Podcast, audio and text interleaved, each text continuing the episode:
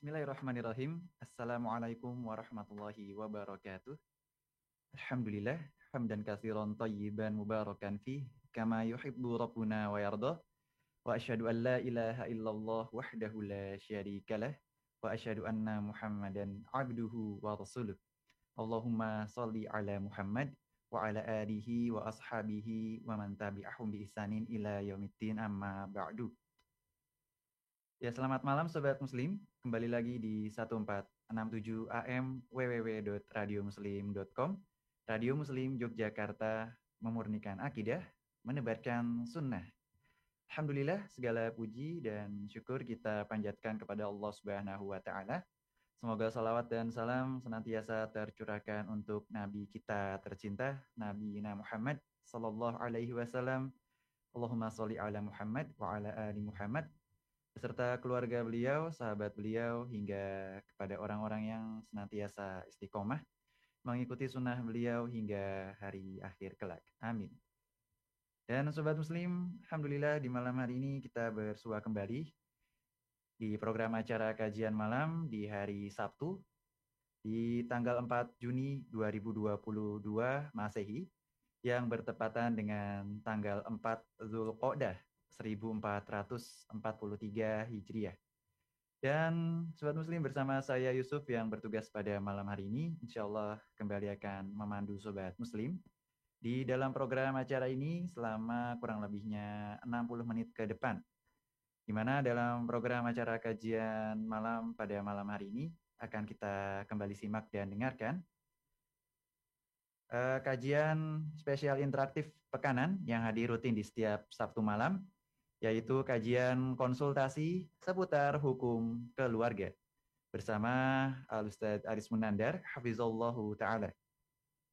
Dan dalam kajian konsultasi seputar hukum keluarga pada malam hari ini, seperti biasa, kajian yang berformatkan dua sesi di mana kaum muslimin, sobat muslim di mana pun berada, dapat bertanya seputar masalah keluarga dengan mengirimkan pertanyaannya melalui WhatsApp atau SMS di nomor 0823 2727 5333. Dan kami juga menyapa para pemirsa yang menyaksikan siaran ini melalui berbagai kanal, di antaranya akun fanspage Facebook Radio Muslim Jogja maupun channel YouTube Radio Muslim Jogja, juga uh, channel YouTube Ustadz Aris Munandar, Haku TV beserta Niaga TV. Ya, uh, selamat datang. Saat ini kita kembali berada dalam program acara kajian malam di kajian rutin pekanan kita setiap Sabtu malam konsultasi seputar hukum keluarga bersama Ustadz Aris Munandar.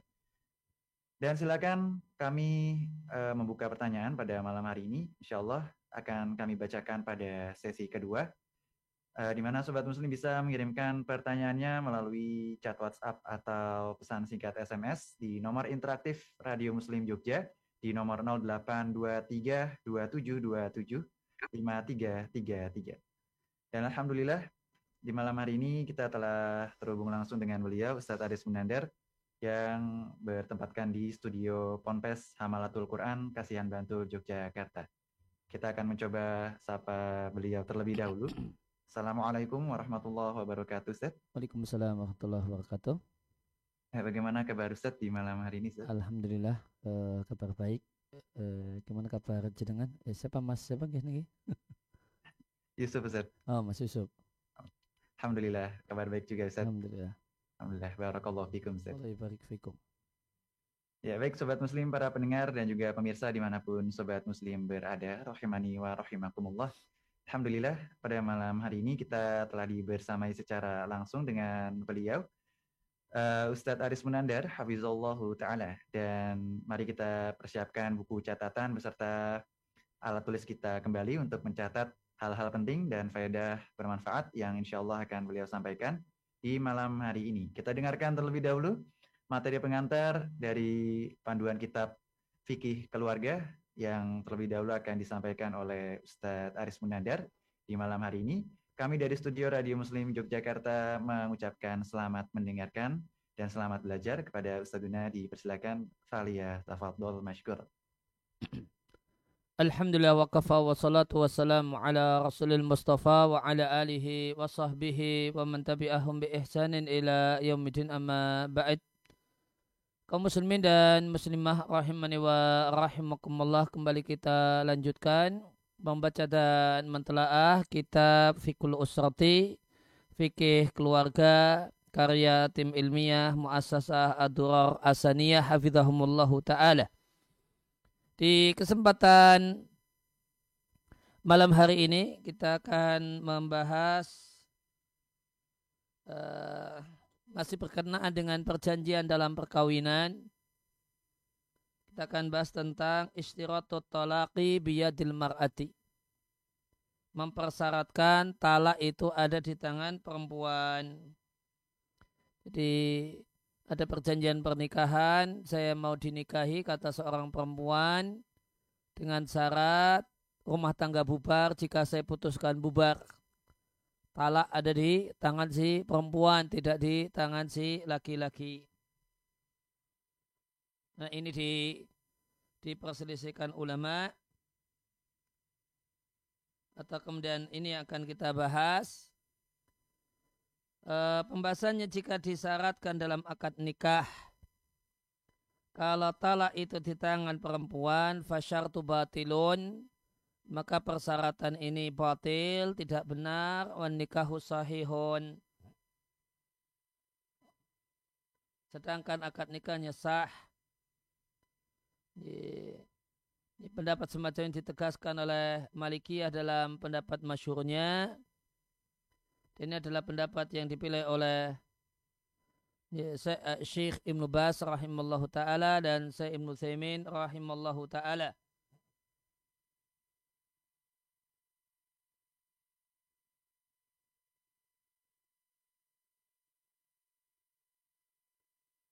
Ya, uh, apa, uh, madhab Hanafi menegaskan tentang nikah ini, tentang hal ini di Hasyiah Ibni Abidin.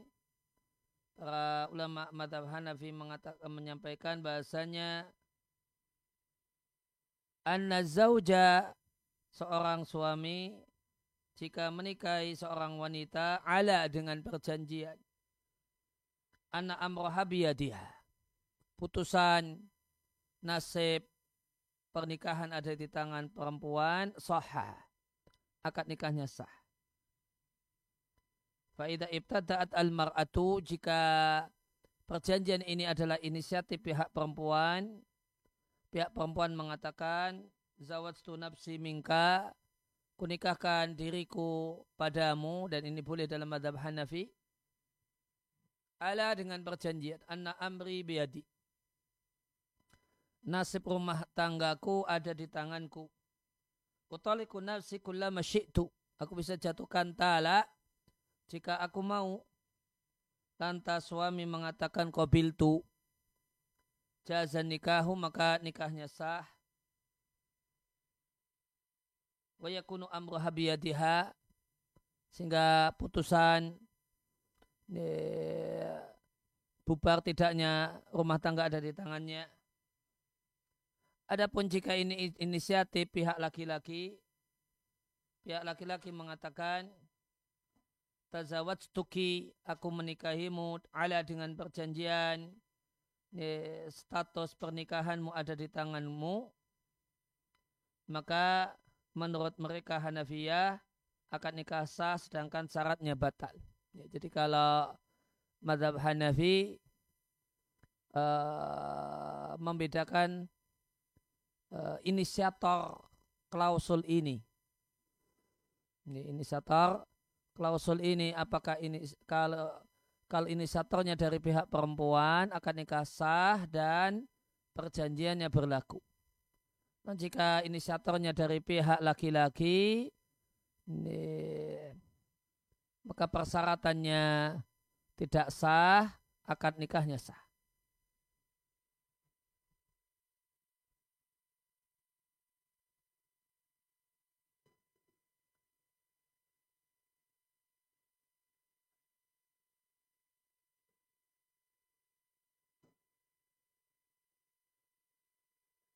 Ya, tadi uh, namun kalau tadi yang uh, Malikiyah dan itu yang dipilih oleh Syekh Ibnu Bas dan Syekh Ibnu Thaimin tidak memberikan rincian akad nikahnya sah namun klausul perjanjiannya tidak berlaku karena klausul perjanjian tidak sah.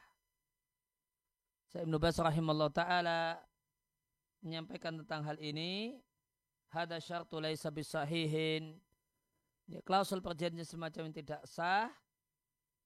Lahu tetap menjadi hak suami menceraikan istri mata sya'a jika suami mau. Walai juju sartu talaqi biyadiha. Tidak boleh. Ya, ada persyaratan ada perjanjian ada klausul. Ya, persyaratan talak ada di tangan suami ada, ada di tangan istri dan permasalahan ini berbeda dengan uh, masalah at-tafwid fit. Ya, beda dengan masalah at-tafwid fit. Kalau ini perjanjian di akad nikah ini. Nah, ada yang disebut dengan ini berbeda dengan satu masalah namanya at-tafwid fit. Menyerahkan talak, keputusan talak di tangan istri.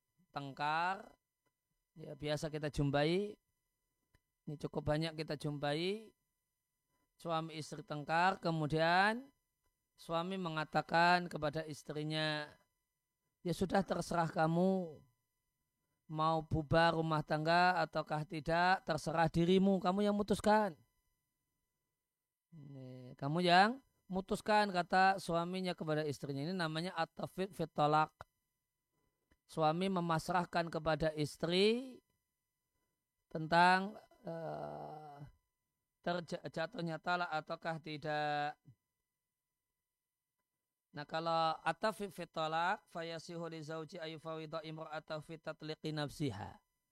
Boleh bagi seorang suami menyerahkan ya, ya, menyerahkan kepada istrinya tentang masalah talak istrinya.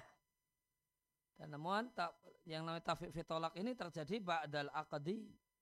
Setelah akad. Lain hanya dengan perjanjian talak ada di tangan uh, tangan talak ada di tangan istri. Maka ini saat akad atau sebelum akad.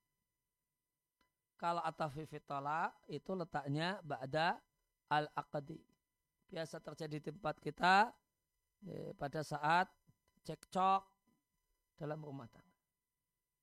Nah kalau atafifi talak itu sah dan boleh bitifakil madahibil fiqiyah al-arba'ah. Dengan sepakat empat madhab. Itu sah boleh seorang suami menyerahkan putusan bubarnya rumah tangga pada istrinya. Dan kemudian eh, setelah diserahkan istrinya kemudian memutuskan. Wahai suamiku karena engkau telah serahkan hal ini padaku maka ku putuskan rumah tangga kita berakhir sampai di sini. Tok tok tok misalnya. Ya, ya sudah rumah tangganya. Terjadi talak satu. Dan ini melalui lisan istri karena telah terjadi atafid fit tolak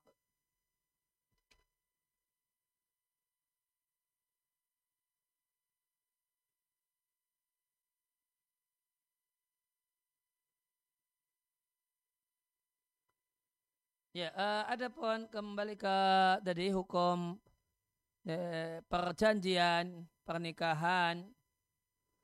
Eh, perjanjiannya suami eh, menikahi seorang perempuan dengan perjanjian talak ada di tangan perempuan atau di tangan istri.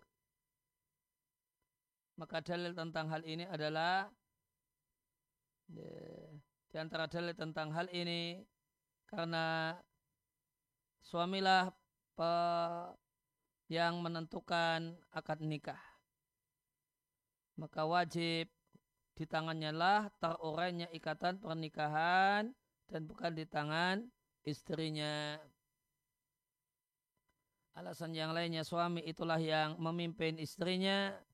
Arijalu kawamuna ala nisa.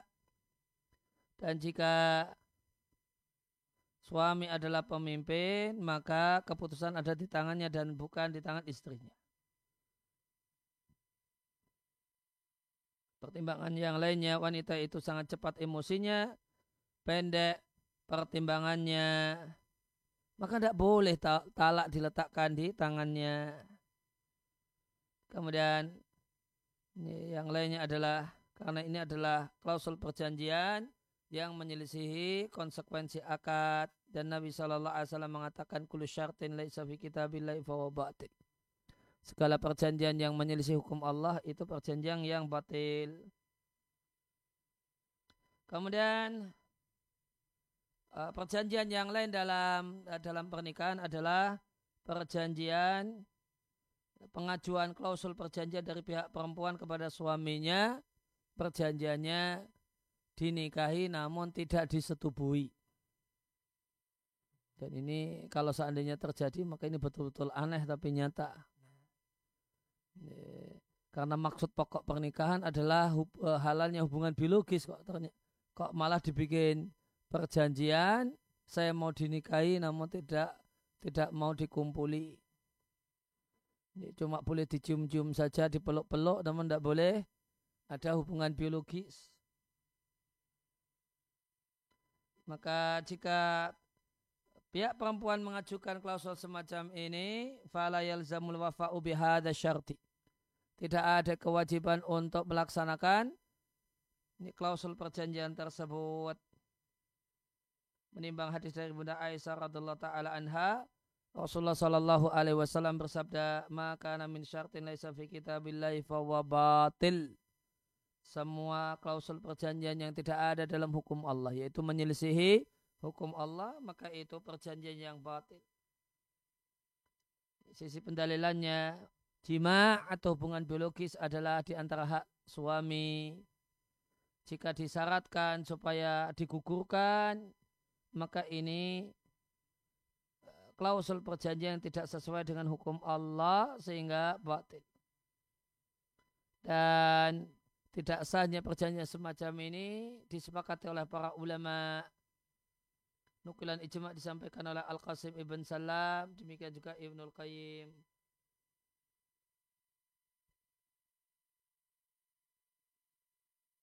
Ibnu Qayyim mengatakan waqad uttufiqa disepakati ala adamil wafa'i bistirati tarkil wata'i Disepakat oleh para ulama tidak ada kewajiban melaksanakan perjanjian yang isinya tidak boleh dikumpuli. Ya.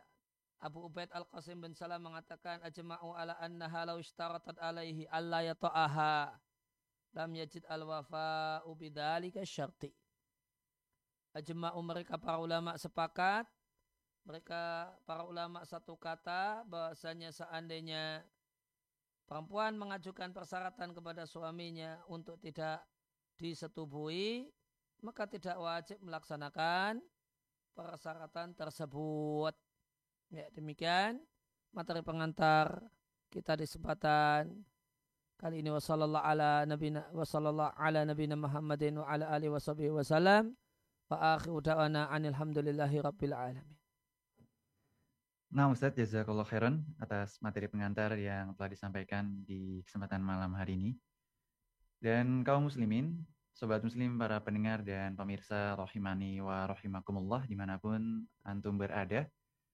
Alhamdulillah telah kita simak tadi materi pengantar di sesi pertama yang telah beliau sampaikan Ustazuna Aris Munandar Hafizullahu Ta'ala di uh, pembahasan kitab panduan Fikhul Usroh.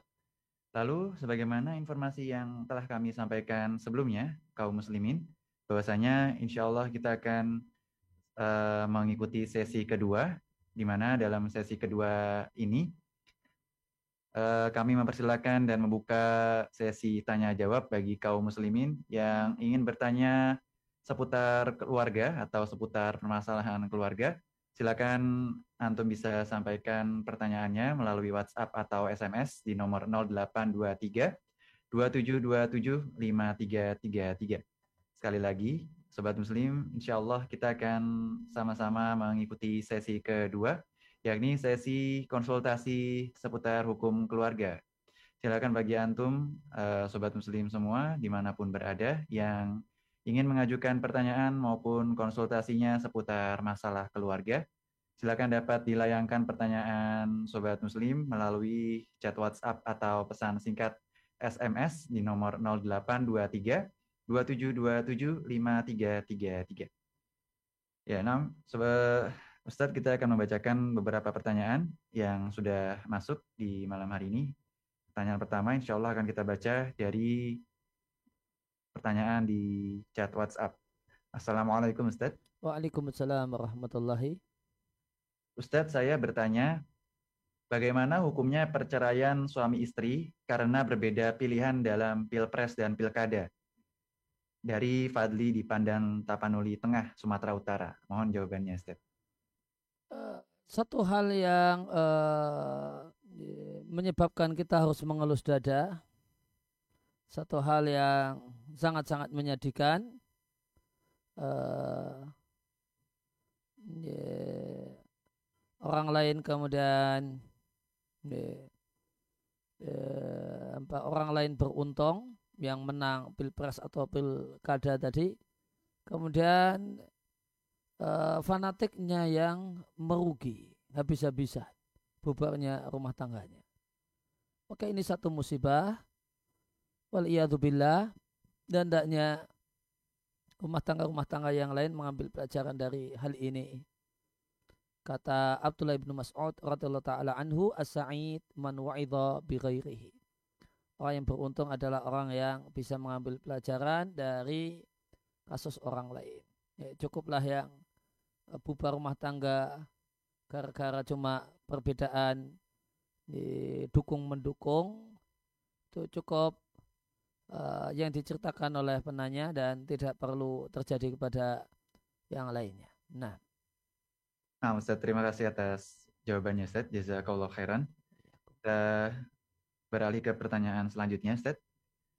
Assalamualaikum warahmatullahi wabarakatuh Ustaz. Waalaikumsalam warahmatullahi wabarakatuh. Afwan izin bertanya, Ustadz, bagaimana cara mengatasi rasa ketidakpantasan untuk bersanding dengan pasangan yang solihah? Karena dulu memiliki masa lalu yang buruk. Insya Allah, beberapa waktu lagi Ana akan melangsungkan pernikahan. Mohon doanya, Ustadz. Uh, bisikan ini bisa di kemungkinan yang sangat besar adalah bisikan setan untuk menggagalkan seorang hamba untuk melakukan amal soleh dan aktivitas yang diridhai oleh Allah Subhanahu wa taala yaitu pernikahan. Dan ini sangat banyak terjadi godaan semacam sangat-sangat kuat banyak dialami terutama oleh laki-laki menjelang detik-detik pernikahan. E, maka ini godaan setan. E, kalau memang betul ini uh, jadi pertimbangan dan alasan untuk maju untuk lanjut ataukah tidak semestinya uh, ini muncul sejak di awal sejak kenalan di awal tidak sampai di hari ah sudah ditentukan baru baru mem, uh, memikirkan hal ini dan uh, menjadikan hal ini sebagai pertimbangan maka itu godaan setan waspadalah nah Nah, Ustaz, uh, jazakallah khairan Ustaz atas penjelasan dan jawabannya. Kita lanjut membacakan pertanyaan berikutnya. Assalamualaikum Ustaz. Waalaikumsalam warahmatullahi. Ustadz izin bertanya di luar tema. Apa benar seorang anak laki-laki yang sudah meninggal tidak mendapatkan warisan dari orang tuanya? Sedangkan anak itu mempunyai anak laki-laki dan perempuan atau dalam hal ini cucu. Kemudian bagaimana dengan istri dan anaknya yang ditinggalkan yang bisa jadi ekonominya kurang mampu, Ustaz? Apakah ada dalil dari Al-Quran atau hadis mengenai hal ini? Mohon penjelasannya. Ya, namanya bagi waris itu manakala uh, muwaris yang uh, meninggalkan warisan meninggal duluan. Nah ini dalam hal ini kakeknya masih sehat walafiat,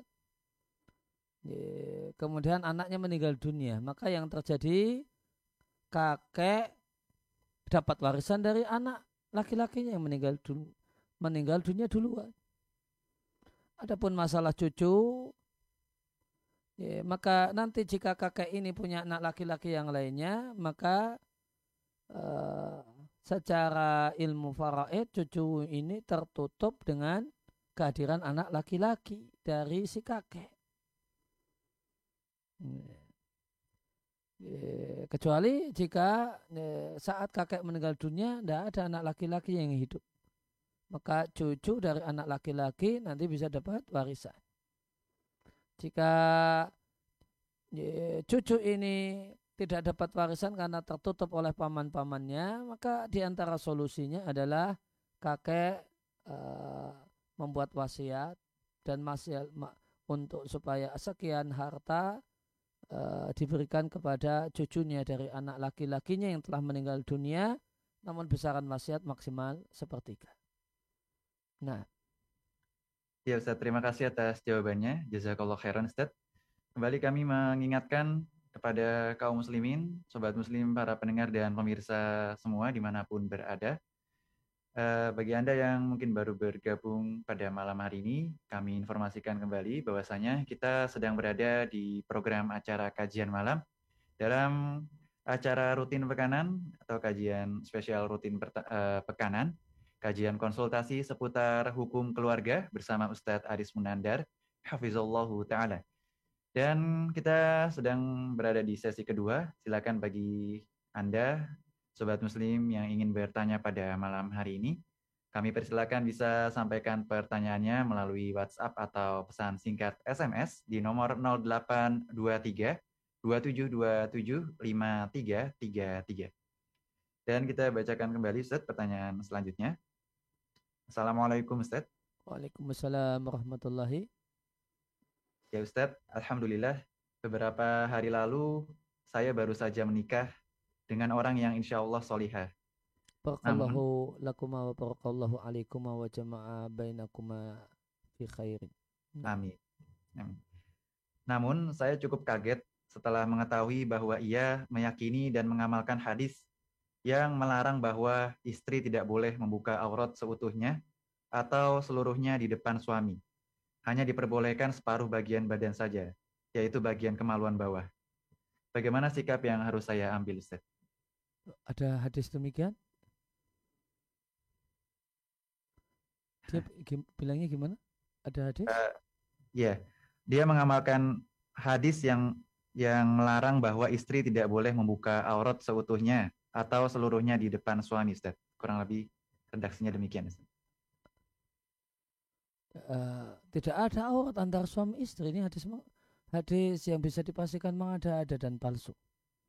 Tidak ada aurat di antara suami istri. Gimana ada ada, ada uh, klaim demikian? Itu klaim yang bisa dipastikan kedustaan.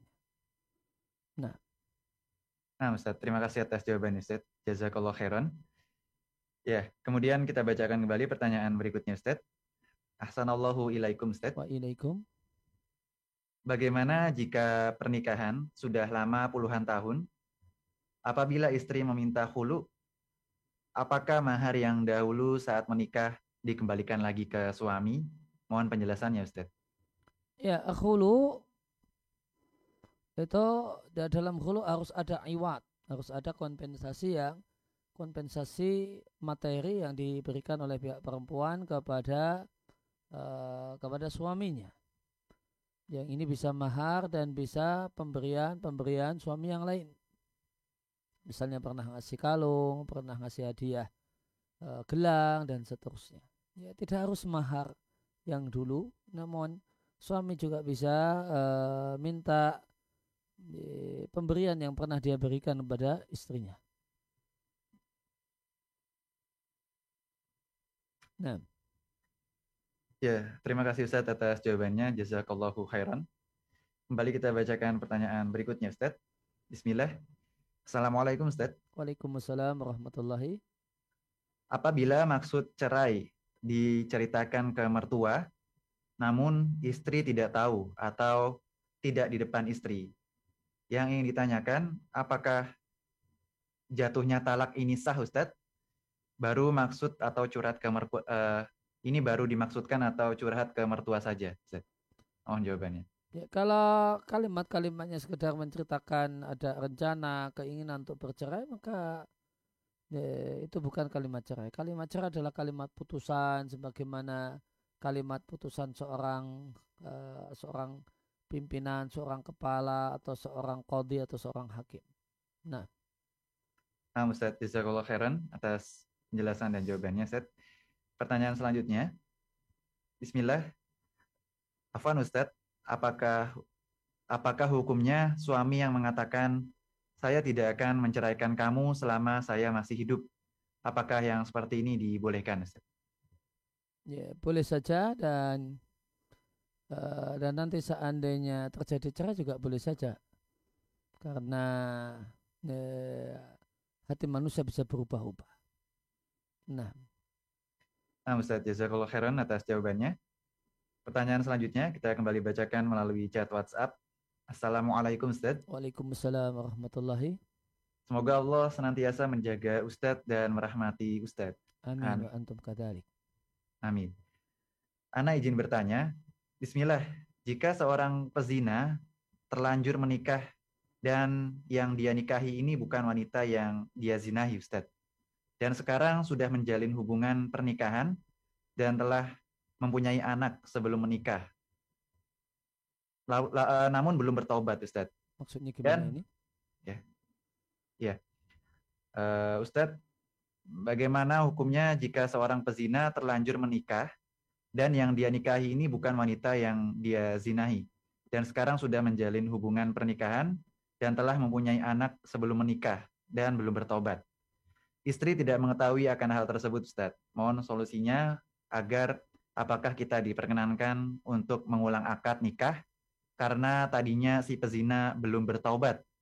Kalau memang harus mengulang akad nikahnya, bagaimana solusinya, Ustadz? Mohon jawabannya, Ustadz. Uh, kalimat pertanyaannya rancu. Uh, karena kalau eh, kalau di ujung akhir uh, pertanyaan bisa disimpulkan. Ada pasangan berzina yang nikah saat akad nikah belum bertobat nah, apakah perlu diulang? Tapi di awal uh, di awal teks pertanyaan dia sampaikan nikahnya bukan dengan pasangan zinanya. Jadi bingung yang mau jawab ini. Yang benar yang mana gitu. Kalau kalau teks awal pertanyaan dia zina kemudian nikah dengan bukan pasangan zinanya ya sudah akan nikah sah. Itu kemudian kalau dia berzina dan uh, akad nikah dengan pasangan zinanya dan ketika akad nikah itu belum ada rasa bertobat ya, maka mengacu pada mazhab Imam Ahmad akad nikah ini tidak sah wajib diulangi. Ya, ya ada dua kemungkinan jawaban untuk dua kemungkinan pertanyaan. Nah. Ya Ustaz, jazakallah khairan Ustaz atas penjelasannya. Kembali kami mengingatkan kepada kaum muslimin, sobat muslim, para pendengar dan pemirsa semua di mana pun Anda berada. Saat ini kita masih berada di program konsultasi seputar hukum keluarga di sesi kedua, sesi tanya jawab. Ya silakan bagi Anda yang ingin bertanya, ingin bergabung di malam hari ini untuk menyampaikan pertanyaan seputar konsultasi hukum keluarga. Kami persilakan bisa sampaikan pertanyaan Sobat Muslim melalui layanan chat WhatsApp atau pesan singkat SMS di nomor 0823 2727 5333. Sekali lagi 0823 2727 5333. Baik, Ustadz kita kembali bacakan pertanyaan selanjutnya. Ah, melalui chat WhatsApp kembali. Assalamualaikum warahmatullahi wabarakatuh. Ustaz. Waalaikumsalam warahmatullahi wabarakatuh. Semoga Allah memberkahi Ustadz, keluarga, serta kaum muslimin. Amin. Amin. Ustadz, hal-hal penting apakah yang harus diperhatikan ketika suami istri tinggal bersama mertua? Karena keinginan orang tua suami yang ingin dibersamahi sehingga belum memungkinkan tinggal secara terpisah. Jazakumullah khairan. Ya, modal utamanya sabar dan hendaknya anak bisa ngomong yang tua gitu kata orang Jawa. Ya, bisa nyerateni atau ya istilahnya bisa bersikap-sikap yang uh, tidak berbenturan dengan orang tua. Ya, tahu kebiasaan, maunya, kemudian hal-hal yang tidak disukai, kemudian menghindari hal-hal yang tidak disukai sehingga tidak ada tabrakan dan benturan dengan uh, dengan orang tua. Ya, kata kuncinya adalah sabar dan uh, sensitif, tahu apa yang semestinya dihindari. Nah. Nah, Ustaz, terima kasih atas penjelasan nasihatnya, Ustaz. Jazakallah khairan. Kembali kita bacakan pertanyaan selanjutnya. Ya, Assalamualaikum warahmatullahi wabarakatuh, Ustaz. Waalaikumsalam warahmatullahi wabarakatuh. Uh, Afwan izin bertanya, Ustadz jika pihak akhwat belum terlalu ada kecenderungan kepada ikhwan saat ta'aruf, namun keduanya sudah memutuskan untuk lanjut ke tahap nazar. Apakah ini keputusan yang tepat dan apakah wajar jika si akhwat belum ada perasaan atau kecenderungan kepada ikhwan? Ya, keputusan yang kurang tepat kalau tidak ada kecenderungan ya jangan dilanjutkan. Ya, dilanjutkan itu kalau ada perasaan tertarik dan merasa cocok, merasa nyaman, nah itu yang cocok kalau dilanjutkan. Kalau ya, kalau belum ada, ya, yang lebih baik semestinya tidak dilanjutkan. Nah. Ya, Ustaz. Terima kasih atas jawabannya. Jazakallahu khairan. Kita bacakan pertanyaan selanjutnya, masih melalui chat WhatsApp. Assalamualaikum warahmatullahi wabarakatuh, Ustaz. Waalaikumsalam warahmatullahi wabarakatuh. Barakallahu fiqh, Ustaz. Wallahi barik fikum.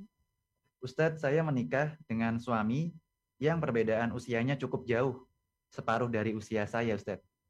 Sekarang-sekarang gara-gara salah paham. Bagaimana saya harus menghadapi suami Anda, Ustadz? Mohon nasihatnya.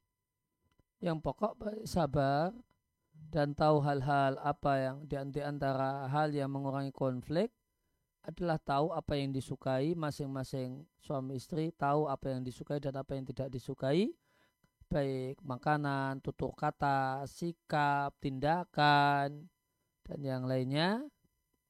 Kemudian masing-masing berupaya untuk melakukan yang disukai dan menghindari hal-hal yang tidak disukai jangan malah sengaja melakukan hal-hal yang tidak disukai yang ini artinya memancing keributan dan memancing masalah nah Nah, Ustaz, uh, terima kasih atas nasihatnya. Jazakallah khairan. Uh, kita bacakan pertanyaan selanjutnya kembali melalui chat WhatsApp. Bismillah. Uh, Afwan, izin bertanya Ustaz. Apa hukum nomor interaktif Radio Muslim Jogja di 0823 2727 5333. Kemudian kita bacakan kembali Ustaz pertanyaan selanjutnya. Assalamualaikum Ustaz. Waalaikumsalam warahmatullahi. Uh, Ustadz, istri setiap hari sering telat sholat karena mengurus rumah tangga. Apabila suami menasihati agar sholat tepat pada awal waktunya, ini kerap kali tidak digubris, Ustadz.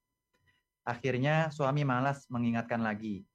Dan yang ingin ditanyakan, apakah yang seperti ini diperbolehkan, Ustadz? Karena merasa bahwa istri sudah besar atau tidak usah dinasihati lagi? Mohon nasihatnya Ustaz. Uh, malas dalam hal ini tidak benar. Itu berarti menjadi pemimpin yang tidak bertanggung jawab. Dan uh, sudah besar bukan alasan. Jika demikian, maka tidak ada suami nasihati istri karena uh, di zaman ini istrinya masih pasti sudah besar. Tidak ada pernikahan dengan pernikahan dengan anak-anak ya kita jumpai. Ya, berarti istrinya sudah besar-besar semua. Jika itu nggak perlu ada nasihat. Itu jika kita terima logika orang ini. Ya, padahal uh, semestinya keluarga atau rumah tangga dibangun di atas saling menasehati. Jadi jadilah pemimpin yang tegas, punya taring.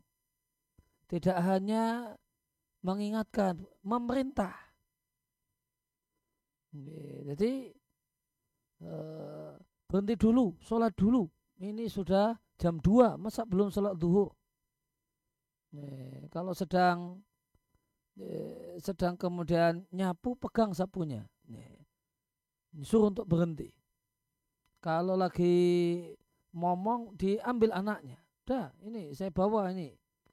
Ini uh, anak ini. Sudah sana wudhu. Nih, sholat gitu. Ya, jadi ada menasehati dan ada memerintah.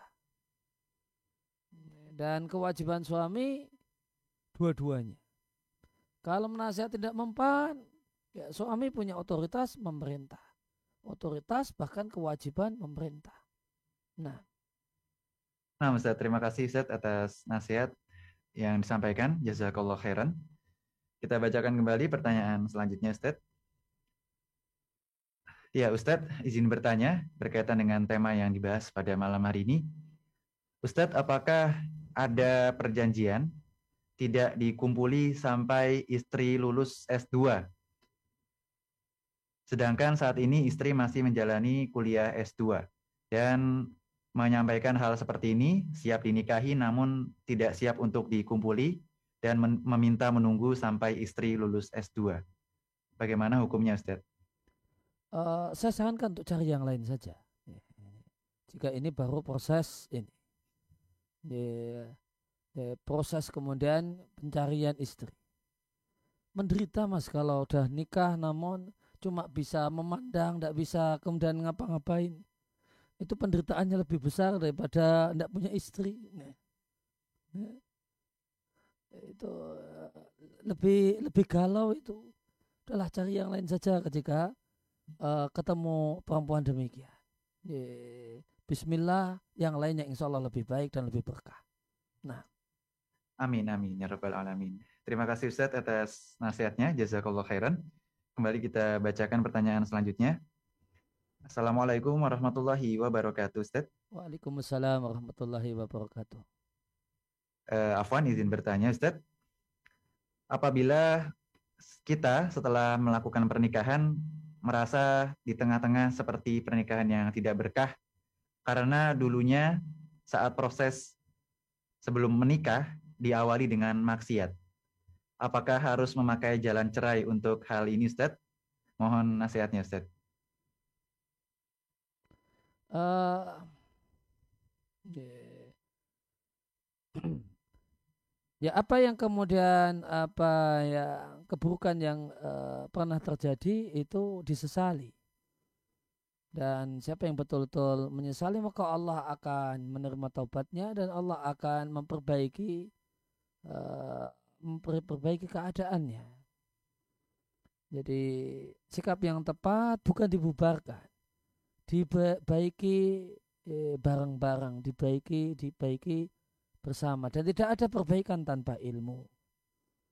Maka ngaji bareng-bareng, eh, ngaji masalah rumah tangga bareng-bareng, ngaji masalah didik anak bareng-bareng, ngaji masalah interaksi rumah tangga bareng-bareng. Ngaji bareng-bareng, kemudian belajar bareng, kemudian latihan bareng. Demikian semestinya dibuat kesepakatan bersama untuk melakukan perbaikan bersama. Nah, Nah, Ustaz, terima kasih atas jawabannya dan juga nasihatnya. Jazakallahu khairan. Kembali kami mengingatkan kepada sobat muslim, kaum muslimin, para pendengar dan pemirsa semua di mana pun berada. Uh, untuk Anda yang baru bergabung, kami informasikan bahwa kita masih berada di sesi kedua dalam acara kajian rutin spesial pekanan konsultasi seputar hukum keluarga yang pada malam hari ini dibersamai oleh Ustadzuna Aris Munandar hafizallahu taala. Ya silakan masih ada beberapa uh, menit tersisa atau beberapa waktu de ke depan bagi sobat muslim yang ingin bertanya bisa disampaikan via chat WhatsApp atau SMS di nomor 0823 2727 5333. Pertanyaan selanjutnya Ustaz, kita bacakan kembali. Bismillah. Uh, Assalamualaikum Ustaz. Waalaikumsalam warahmatullahi. Bagaimana mengatasi dan tips akan cara menghilangkan rasa dengki dan cemburu Ustaz melihat keluarga atau pasangan keluarga lainnya hidupnya lebih enak daripada hidup kita. Mohon nasihatnya, Ustaz. Eh, itu bukan cemburu, namun itu hasad, itu dengki. Dan solusinya adalah ya, camkan bahasanya hidup dunia itu wang sinawang kata orang Jawa. Ya, bahasa Indonesianya rumput tetangga lebih hijau. Dan itu terjadi karena sukanya lihat-lihat rumput orang. Tidak mau lihat rumput sendiri dan sibuk memperbaiki rumput sendiri. Namun karena malah sukanya melihat rumput orang. Ya, maka yang dilihat rumput ya, orang lain kok lebih hijau, lebih indah gitu. Padahal dia punya rumput yang indah namun tidak dia sadari. Dan bagaimanakah dia sadar karena dia tidak mau uh, ya, memanage rumput tersebut demikian supaya demikian bagus. Solusinya di antaranya yang Nabi sampaikan adalah ungduru ilaman dunakum balatang tangduru ilaman fauqakum. Fa innahu ajdaru alla tasdaru ni'matallahi alaikum. Lihat kalau dalam masalah dunia lihat orang yang lebih bawah, orang yang lebih susah dan itu banyak. Jangan lihat orang yang lebih enak, lebih sejahtera, lebih nikmat.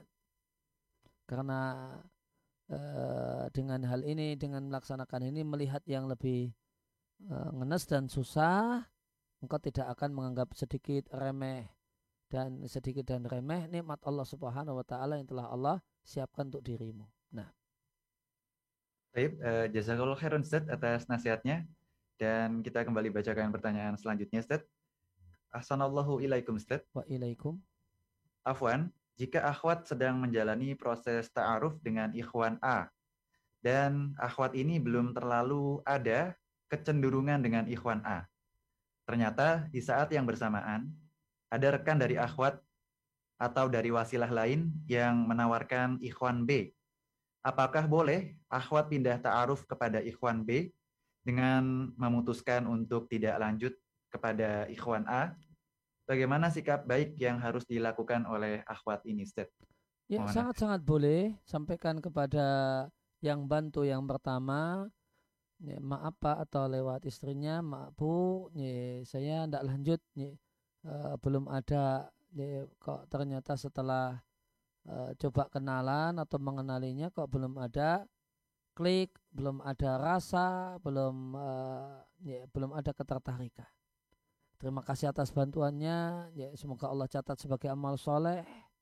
Ya, meskipun tidak jadi. Nah, meskipun tidak jadi, insya Allah tetap jadi ya, pahala untuk bapak atau ibu yang bantu.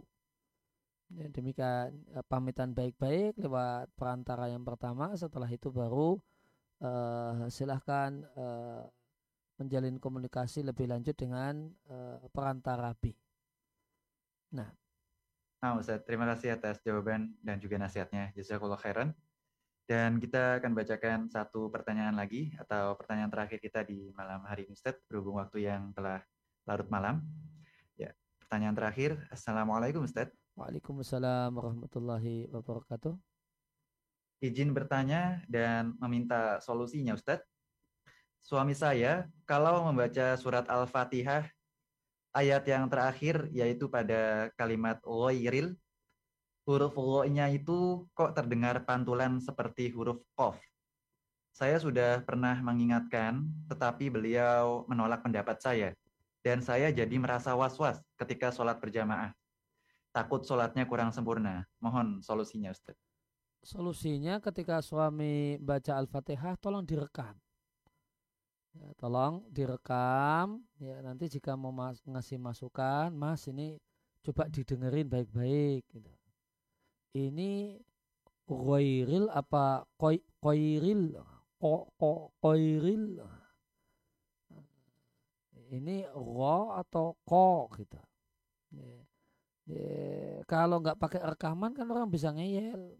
Enggak ah sudah bagus kok telingamu aja yang kemudian ini oh, dasar suudon gitu. Ya, jadi uh, bisa ngeles gitu. Tapi kalau direkam nih, terus habis itu ya mas coba didengar bareng-bareng. Ini saya yang salah telinga atau Mas yang salah baca.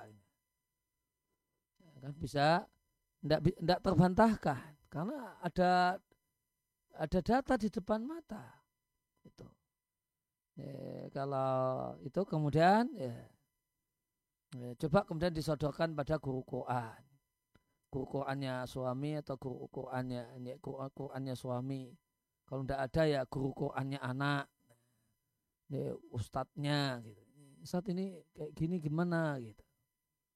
Ya, coba dikonsultasikan bacaan seperti ini sudah tepat ataukah belum. Dan satu hal yang perlu disadari bahasanya membaca Al-Quran dengan membaca Al-Fatihah dengan baik itu ilmu agama hukumnya fardu ain. Ya fardu ain atas setiap muslim untuk belajar dengan baik. Semaksimal kemampuan yang ada. Kalau ada yang kurang kemudian bisa diperbaiki, wajib diperbaiki.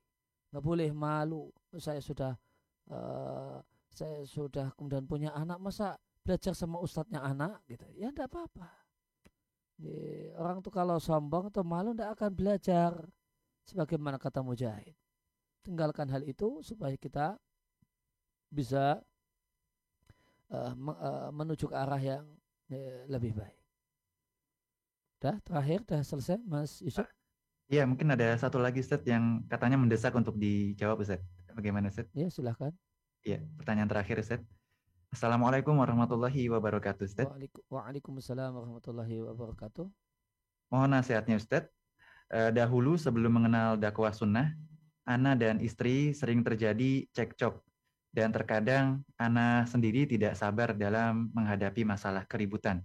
Apalagi istri yang sangat pencemburu dan selalu curiga. Pernah suatu saat ribut dan saking emosinya, Ana pernah mengucapkan kata-kata ku ceraikan berkali-kali Ustaz. Bagaimana hubungan keluarga Ana sampai saat ini? Alhamdulillah kami uh, kami sudah mengenal dakwah sunnah. Doakan kami supaya istiqomah Ustaz. Ya, mungkin yang ingin ditanyakan hukum dari mengucapkan kata-kata kuceraikan berkali-kali itu Ustaz. Mohon eh, jawabannya. Uh, ini kasusnya dalam satu cekcok dan uh, jadi untuk takkit, untuk taukid, kuceraikan, kuceraikan, kuceraikan gitu misalnya untuk menegaskan saya nggak main-main saya kuceraikan gitu. Uh, untuk taukid ya uh, kalau maksudnya taukid ini menegaskan ya jatuhnya jatuh satu. Nih tapi kalau ini sudah dalam banyak kasus berkali-kali ini ngomong kayak gitu bulan Januari kemudian ngomong seperti itu bulan Desember kemudian ngomong lagi bulan Juli ya sudah game over. Ya sudah habis. Hak untuk menjatuhkan cerainya. Kalau sudah sampai tiga begitu cerai yang ketiga auto jadi orang lain. Tidak lagi suami istri. Nah, di teks pertanyaannya tidak ada penjelasan lebih lanjut ya maka saya e, berikan dua opsi e, jawaban tadi kalau boleh jadi itu membabi taukid, ya, maka sekedar menegaskan, ya, bisa kita katakan nilainya satu. Dan tapi kalau ini sudah berkali-kali, ya, maka maksimal hanya bisa dan boleh tiga kali. Nah. Ya, nah Ustaz, terima kasih Ustaz atas nasihatnya dan demikian itu adalah pertanyaan terakhir Ustaz. Kami ucapkan jazakallah khairan wa barakallahu fiqh yang telah bersama kita semua Ustaz di malam hari ini dengan faedah ilmu yang bermanfaat. Semoga Allah Subhanahu wa taala senantiasa menjaga Ustadz beserta keluarga dan senantiasa memberkahi ilmu Ustadz. Amin. Amin. Baik Sobat Muslim, kaum muslimin, para pendengar dan pemirsa Radio Muslim Yogyakarta di mana pun Sobat Muslim berada. Alhamdulillah telah kita simak kembali. Saya uh, pamit ya Mas Yusuf ya. Nah Ustadz. Yeah. Assalamualaikum. Waalaikumsalam warahmatullahi wabarakatuh. Baik Sobat Muslim, telah kita simak dan dengarkan uh, kelanjutan kajian atau uh, agenda kajian spesial pekanan interaktif, konsultasi seputar hukum